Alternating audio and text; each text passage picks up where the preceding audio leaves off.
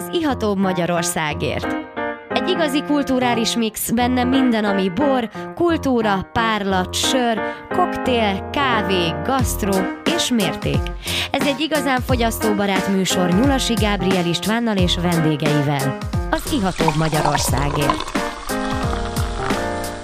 Szép jó estét kívánok! Én Nyulasi Gábriel István vagyok, és ez az Ilatóbb Magyarországért műsora, és hát úgy gondoltuk, hogy most kilépünk a stúdióból, és kedves kolléginámmal, Ordasi Brigittával fölkerekedtünk, és egészen messzire jutottunk a stúdiótól, méghozzá a La Per Noir étterem és láncsba jutottunk el, és már is itt van a mikrofonunknál az üzletvezető helyettes és bartender, aki nem más, mint Mesterházi Péter. Szervusz! Köszöntöm én is a hallgatókat, Szervusz Péter! Kicsit utazzunk az időben, és menjünk talán az étterem nyitásához. Tudom, hogy akkor még te nem dolgoztál itt, de gondolom már akkor kialakult egyfajta küldetéstudat, amely a mai napig végig kíséri az étterem működését. Jó estét kívánok én is a hallgatóknak. Így van, 2013-ban nyitott az étterem, francia jellegű étteremként, ami most már inkább nemzetközi konyhánk van leginkább. Egy négy szálloda van fölöttünk, ami által az ő reggelisztetésért mi felelünk, és ezzel egyidejűleg az utcáról érkező vendégeket is tudjuk reggelivel fogadni. Ezen kívül hétfőtől péntekig déltől háromig egy ebédmenüvel tudjuk várni a vendégeinket, és este pedig az alákárt étlapunkról tudnak választani. Hogy alakult ki az étlap, és minek köszönhető az, hogy a franciáról egyre inkább a nemzetközi vonal lett az uralkodó az étlapon? Szerintem ez teljesen a kereslet változtatta meg nálunk, tehát alapanyagokban most is nagyon sok francia alapanyaggal dolgozunk, viszont nem feltétlen volt csak erre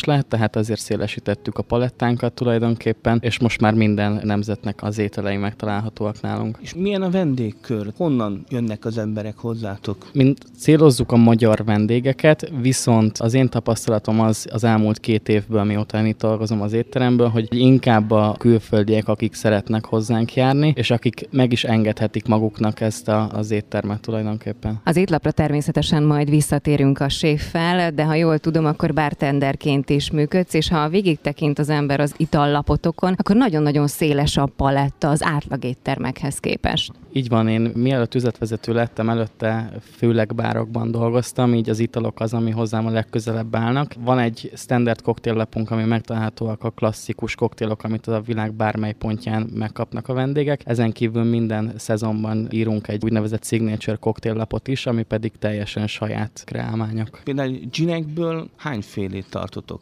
Hatfajta ginünk van jelenleg, és pont, hogy a, a gin említetted te is, ezért majd a, a vacsora végén a desszerthez egy koktélt ajánlottam, ami pont egy gin alapú koktél lesz. Ez azért választottam magát a gin alapszesznek, hiszen jelenleg ez a legpopulárisabb szesz. Ezt keresik a legtöbben. Mennyire értünk egyébként az italokhoz? Mennyire tudjuk párosítani az ételekkel? Van egy szomeliénk, aki a borokat ajánlja a vendégeinknek, és nagyon nagy százalékban ezt ki is használják a vendégek, tehát elfogadják az ajánlásainkat, mint ahogy most is is én szeretek nem csak borokkal, hanem koktélokkal is előrukkolni étel és ital párosításokhoz. Én azt tapasztalom, hogy szeretik kihasználni ezt, és elfogadják az ajánlást. Tartottuk esetleg borvacsorákat, vagy egyéb rendezvényeket? Volt borvacsoránk, és valószínűleg lesz is a közeljövőben. Arra is, hál' Istennek, elég nagy keresletünk volt. A már a borvacsorákat említetted, és ugye a beszélgetés elején szó volt a francia vonalról, ami egyre inkább nemzetközivé avanzsálódott az elmúlt években, de hát a magyaros ízek is teret kapnak az étlapon, legalábbis egy ilyen magyaros-franciás fúzióról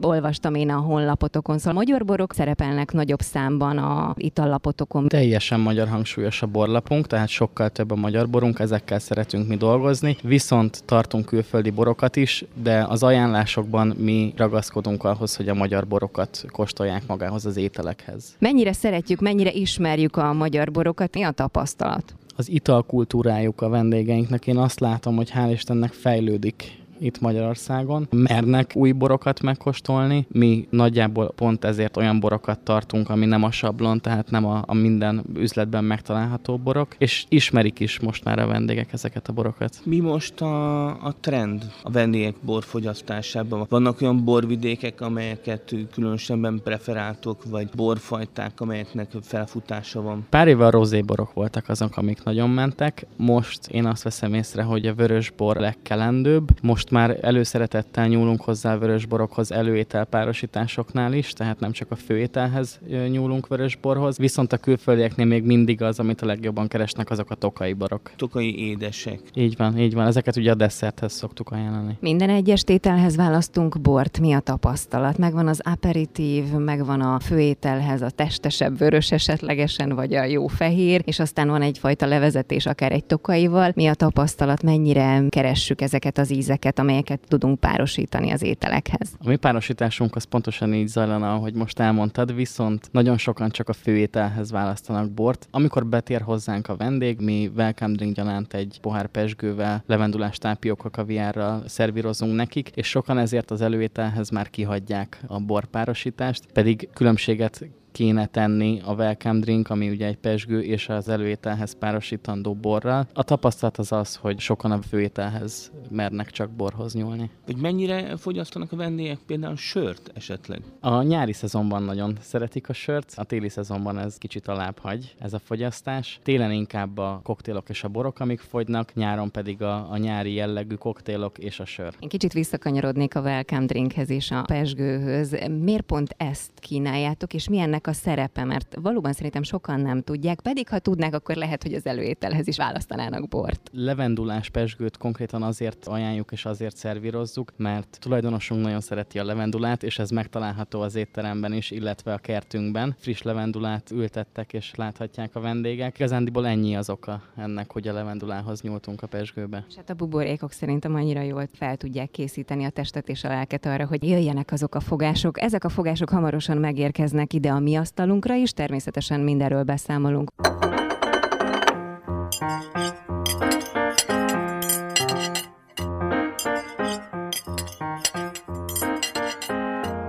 És már is visszatértünk, és az asztalon is már itt vannak a fogások. Meg is kérdezzük, hogy pontosan mi is van a tányérönkön. Lőrinc György séf a vendégünk. Csodálatos tányérokat hoztak elénk a felszolgálók. Mit láthatunk, mit ehetünk, mit kóstolhatunk? Szia, köszöntünk a műsorban. Szervusztok! Ő az egyik signature dishünk, illetve nekem főleg alapanyag van a kacsamáj, nekem nagyon nagy favoritom. Mind a francia, mind a magyar konyhának ugye eléggé sarkatos pontja a libamáj vagy kacsamáj. Ő egy kacsamáj pástétom, hogy malekvárral, erdei gyümölcsel, illetve barna vajas brióssal, pici sült hagyma porral meghintve. És ehhez bort is kaptunk. Mit kell tudnunk a borról? Magáról az étel borpárosításról annyit el szeretnék mondani, hogy a legfontosabb a szinergetikus kapcsolat ebben, ami azt jelenti, hogy az étel és a bor felerősíti egymást élvezeti szinten. Ehhez a, a tányérhoz mi egy Grove Degenfeld Muscat Blanc ajánlottunk, ez 2017-es Tokajból, amit elmondani beszélnék róla, hogy a Dégenfel család tulajdonában álló szőlőbirtokról. 16 g természetes maradék cukor van benne, tehát előételekhez nagyon jól passzol. Ami miatt választottuk még a tányérhoz az a gyümölcsessége, tehát a tányéron is felfedezhetőek a gyümölcsök, és ez a borban is előjön. Hogyan működik az alkotói munka a konyhában? Hogyan alkotsz meg egy-egy ételt? Legyen szó most adott esetben egy előételről, de természetesen majd a főétel kapcsán is ez kérdés lehet, hiszen mind a kinézet, mind a dizájn, dizájn, mind az ízek, mind a borokkal való összhatás azért fontos egy-egy tétel esetében. Igen, de ez nem egy egyszemélyes show. Az alkotás, mint olyan, az egy csapatmunka közös. Tehát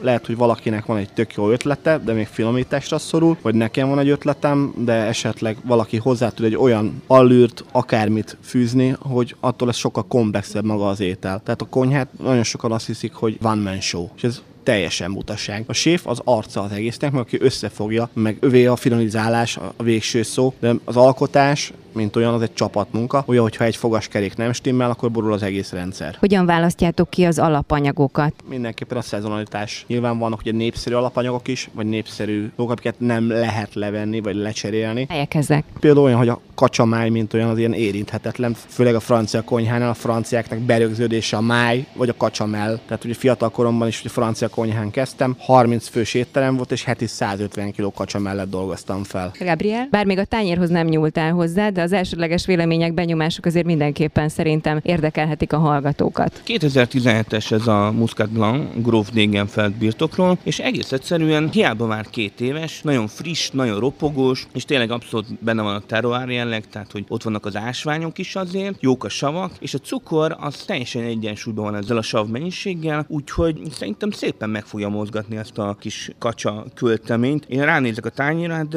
zseniális kis darabkák vannak itt, kis virágok, fölismerem a kis mézvirágot, tehát kis ehető darabkák vannak itt a, a kis komplexumokon, úgyhogy ez egy nagyon izgalmas párosításnak néz ki. Mennyivel másabb most itt kint egy étteremben műsort csinálni, és nem csupán a bort kóstolni, hanem az ételt is? Egészen más, úgyhogy, úgyhogy tényleg izgatott vagyok, hogy, hogy fog sikerülni a párosítás, mert nagyon sokszor szembesülünk azzal, hogy egész egyszerűen borvacsorákon is az emberek nagy része egyszerűen nem párosítja jól a, az ételt meg a bort, mert azt tanuljuk, hogy edd meg film az ételt, és akkor hát utána majd így áll. De hát egy igazi, egymást tényleg erősítő bor és étel párosítás az a szájban alakul ki, tehát egy megfelelő falathoz mindenből kell egy kicsit összerakni, szépen megrágni, homogenizálni, és ahhoz egy körülbelül hasonló nagyságrendű kortyot rárakni, és akkor szájban egyesül ez a dolog, és akkor kiderül, hogy mennyire sikerült jól az étel és ital párosítás. Teliszájjal nem beszélünk, úgyhogy hamarosan visszatérünk, most azonban a tér az előételé.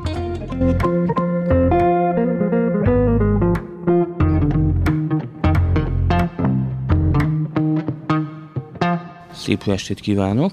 Itt vagyunk a La Pernoir étterem és loncsba, és hát itt vannak a fantasztikus fogások az asztalon, itt van velünk Lőrinc György séfúr is, itt van velünk Mesterházi Péter üzletvezető és bartender, és hát beszéljünk erről a fantasztikus fogásról, amit van az asztalon. Kielkezett az étel, és megigazítottad a tányéromat.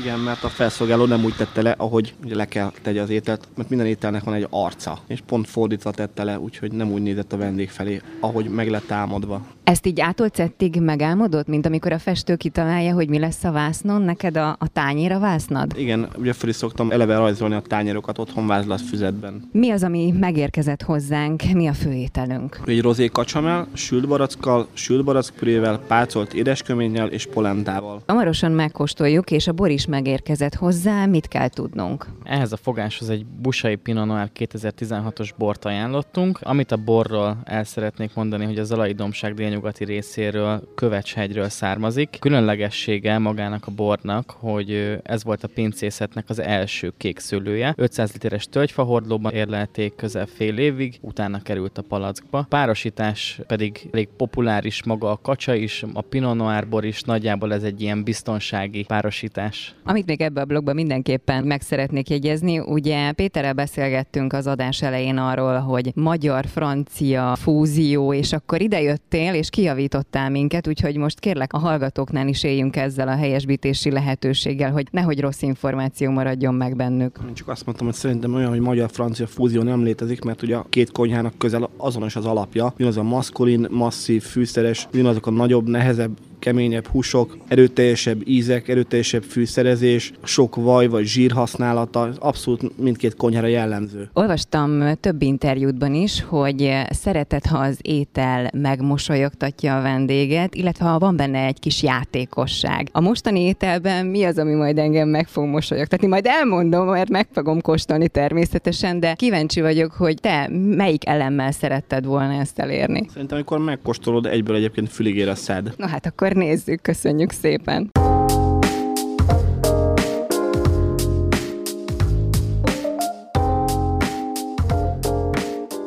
Túl vagyunk a főételen, de mint ahogy szokott lenni, általában adáson kívül zajlanak a legjobb beszélgetések, de most beavatjuk természetesen a hallgatóinkat is mindebbe, és visszatérünk egy kicsit a főételre, igaz, Gabriel? Igen, igen. Én még megemlíteni a főételnél, hogy egy rozé kacsamel, az tényleg egy origója az étterem kultúrának. Az abszolút egy alapja az egésznek, tehát hogy elmész egy helyre, és a rozé kacsamel az végül is egy fokmérője, és hát Lőrinc György séf készítésében egyszerűen egy zseniális. Mind az állag, a textúra, a rétegek, tényleg ahogy kéreg rajta volt, a tányérnek az arca, nagyon jól összepasszolt minden, és hát a maga a bor is, bár hallottuk, hogy régebben egy chillerrel volt a párosítás, most ez a húsai Pinot Noir, végülis a maga szerkezetével az, hogy tényleg egy három éves Pinot Noir, ami már eléggé érett, de mégis a savjáték, a fűszerek, kevés tannin, tehát mindez nagyon szépen kiszolgálta a fogást. Mitől lesz jó ez a kacsa fogás? Mitől lesz ez a kacsa? Mert ugye Gabriel itt elmondta, hogy neki mi az, ami igazán átjött, és hogy azért fokmérője ez egy étteremnek. Tudunk egy kis kulisszatitkot megosztani ezzel kapcsolatosan a mi hallgatóinknak? Igazából nincsen titka, az odafigyelés. Azt mondom, hogy a kacsa is olyan, mint a rántott hús. Vagy nagyon jól el lehet készíteni, vagy nagyon rosszul. Én például, ha étterembe megyek, és van rántott hús az étlapon, mindig azt kérek, mert abból simán le lehet mérni egy konyha teljesítményét. Arról is szó volt adáson kívül, hogy bistróról beszélünk, casual étteremről beszélünk, fine diningról beszélünk, és hogy ezek a fogalmak, bár benne vannak most már itt a hazai szótárban, a hazai gasztronómiai szótárban, azért nem biztos, hogy tudjuk, hogy mi is a pontos definíció, mit rejtenek ezek a fogalmak, ezek a kifejezések. Nekem a fine dining mint olyan, ugye, amit jelent is, hogy jó étkezés, tehát nem feltétlen attól fine dining egy étterem, hogy az ember feszengve ül végig 6 órát egy öltönyben, és azon imádkozik, hogy jaj, a megfelelő evőeszközt vegyem el, hogy a bistró, bistró teljesen félrecsúszott egyébként a magyar kultúrában, mert minden sarki étteremre, kifőzdire és a többi ráírták, hogy bistró. Bistró, mint olyan, ugye orosz eredetű, a bistra, bistra, gyorsan, gyorsan. Tehát hús, köret, mártás, nem több. Nincs díszítve, nincs túlvariálva, nagy adag, laktató, gyorsan. A casual pedig nekem azt jelenti, ahova tényleg beülhet akárki. Egy család beülhet egy jó családi ebédre, beletülni egy üzleti ebédre, egy tárgyalásra, vagy tényleg az, hogy ha beül esetleg egy házaspár, évforduló, születésnap, egy romantikus vacsorára, akkor 3-4 óra alatt kultúráltan elborozni és a többi. Tehát én nem húznám rá azt sem, hogy bistró, az sem, hogy fine dining. Azért mondom, a casual a legjobb kifejezés szerintem erre. Beszélgettünk a borkultúráról, illetve a borfogyasztási amplitudónkról, ami egyre jobb tulajdonképpen. Nem tudom, hogy az éttermi kultúránk, a gasztronómiai kultúránk hogy áll? Hát a magyar kultúrának azért még kell fejlődnie, mert nagyon sok az önjelölt gasztronómus, aki ahogy megérkezik, és még ki sem nyitotta az étlapot, már át akarja érni, vagy úgy gondolja, hogy hozott magával a sajátot. És ez sajnos még erősen jellemző a magyar kultúrára, hogy hiába van kitalálva egy étel, ő bizony sült krumplival szeretné enni, vagy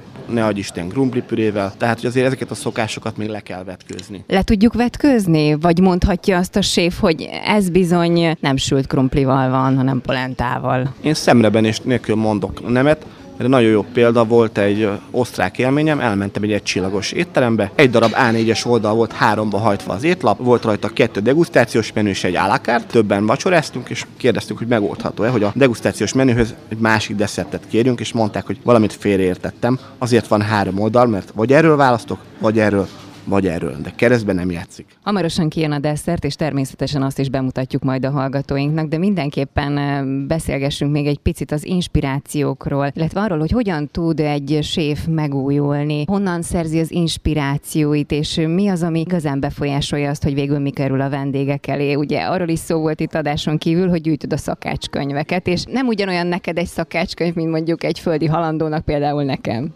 Nem, én nem a recept részét nézem, hanem abszolút inspiráció vagy technológiák miatt. Inspirálni egyébként az utazásokból is szoktam, a lokális alapanyagokból, a helyi szokásokból, helyi ízekből. Szerintem sokkal érdekesebb, hogyha az ember mondjuk elmegy Olaszországba, és elmegy egy picit trattóriába, abszolút kis pici családi. Voltam olyan pizzériában, hogy kint a tengerparton egy család csinálja, apuka bent süt főz, anyuka kasszázik, a gyerekek meghordják, és olyan pizza volt, hogy azt mondtam, hogy Mit hoztál haza legutóbb magaddal egy ilyen utazásról? Olyat még nem hoztam, ami a tányéron látható, az a következő étlapon lesz. Az, amit tárgyasan hazahoztam magammal, azok kézműves vágódeszkák többek között. A következő étlapot említetted, akkor ezt is áruld el, hogyha elárulhatod. Nem tudom, hogy ez mennyire titkos. Ez teljesen. Akkor a desszertel jövünk vissza legközelebb.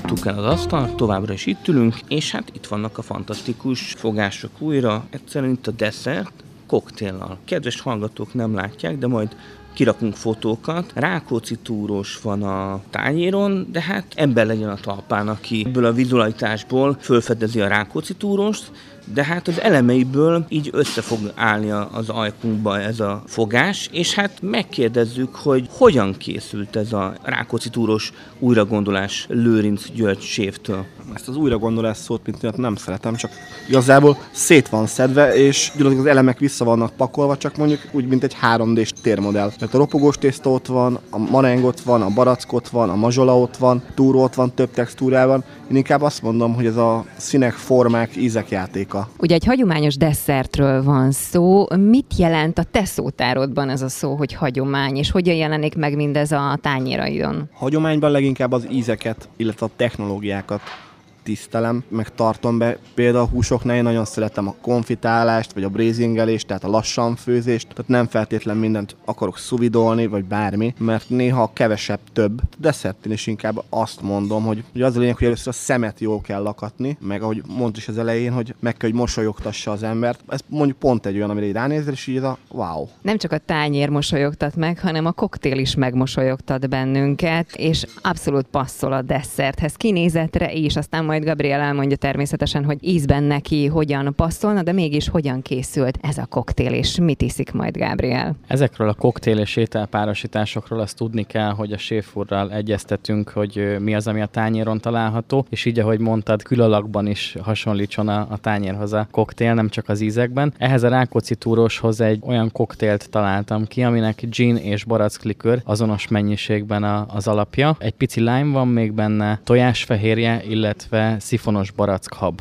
A díszítése az nagyjából ugyanaz, mint a tányéré is, a virágok, mazsola és a barack. Hogyan megy egy-egy ilyen koktél kikísérletezése? Ugye, ha kísérletről van szó, és italokról, folyadékokról, akkor mindenkinek gondolom beugrik egy-két kémcső, na de hát a itt, amit látunk, és amit láttunk tőled, az kicsit távol áll egy kémiai labortól. Igazából úgy is fel lehet fogni a pultot, mint egy kémiai labor, nyilván ez a nyitvatartási időn kívül történik. Kóstolunk nagyon sokat, nagyjából azt már tudjuk, tudjuk, hogy mi az az íz, ami passzol a, a másikkal. Kísérletezés igazándiból. Kísérletezés, ami ezt így elősegíti nekünk. A kísérletezés pedig új ízeket, új formákat, új színeket szül. Nézzük, hogy milyen az a Rákóczi túrós ezzel a koktéllal, Gabriel. Zseniális, egyszerűen tényleg elképesztő, hogy ez a koktél a ginnel, a lime-mal, a baraszklikőrrel, hogy tényleg milyen szinten egyszerűen egyesül a, a Rákóczi túróssal, ahol tényleg ezek a, a kis egységek ezzel a koktéllal egyesülve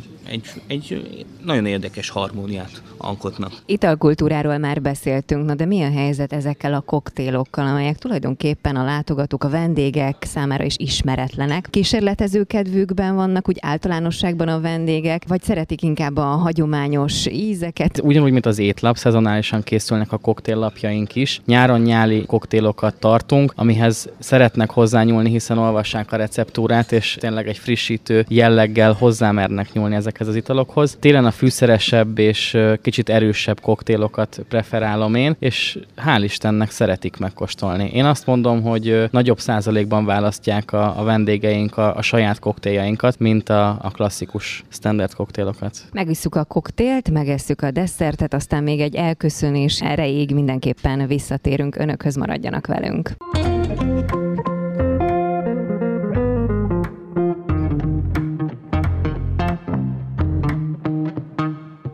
Túl vagyunk már a desszerten is, és hát lassan a zárás jön. Végül is végmentünk a, az ételsoron, volt bor, volt koktél, volt rozé kacsamel, desszert. Egyszerűen tényleg a, a La Noir étterem és lunch megmutatta, hogy mire képes. Tényleg ide bárki betévedhet, az utcáról is akár, lehet reggelizni is, lehet ebédelni is, vacsorázni is, és hát akár egy kávéra be lehet ugrani, itt az Andrási út villanegyedében, és jó kis koktélokat is lehet élvezni, mert hát fantasztikus volt a desszerthez a koktél. Mesterhezi Pétertől kérdezném még így záró akkorként, hogyha te most bejönnél az étterembe, úgyhogy még soha nem jártál itt. Ismered ugye az étlapot, ismered az itallapot, mi az, amit rendelnél magadnak? Nagyon jó kérdés. Most a legutóbbi étlapunkról tudnék így kiemelni, az a marhanyak főételünk volt. Ételben talán azt választanám magamnak, és ahhoz pedig a, a hozzá párosított borunkat, ami az Ikon Cabernet Franc volt. Hát akkor térjenek be az étterembe, válasszanak az éltrapról, és maradjanak, beszélgessenek, élvezék az ízeket, mi is ezt tettük. Köszönjük, hogy hallgatotok bennünket.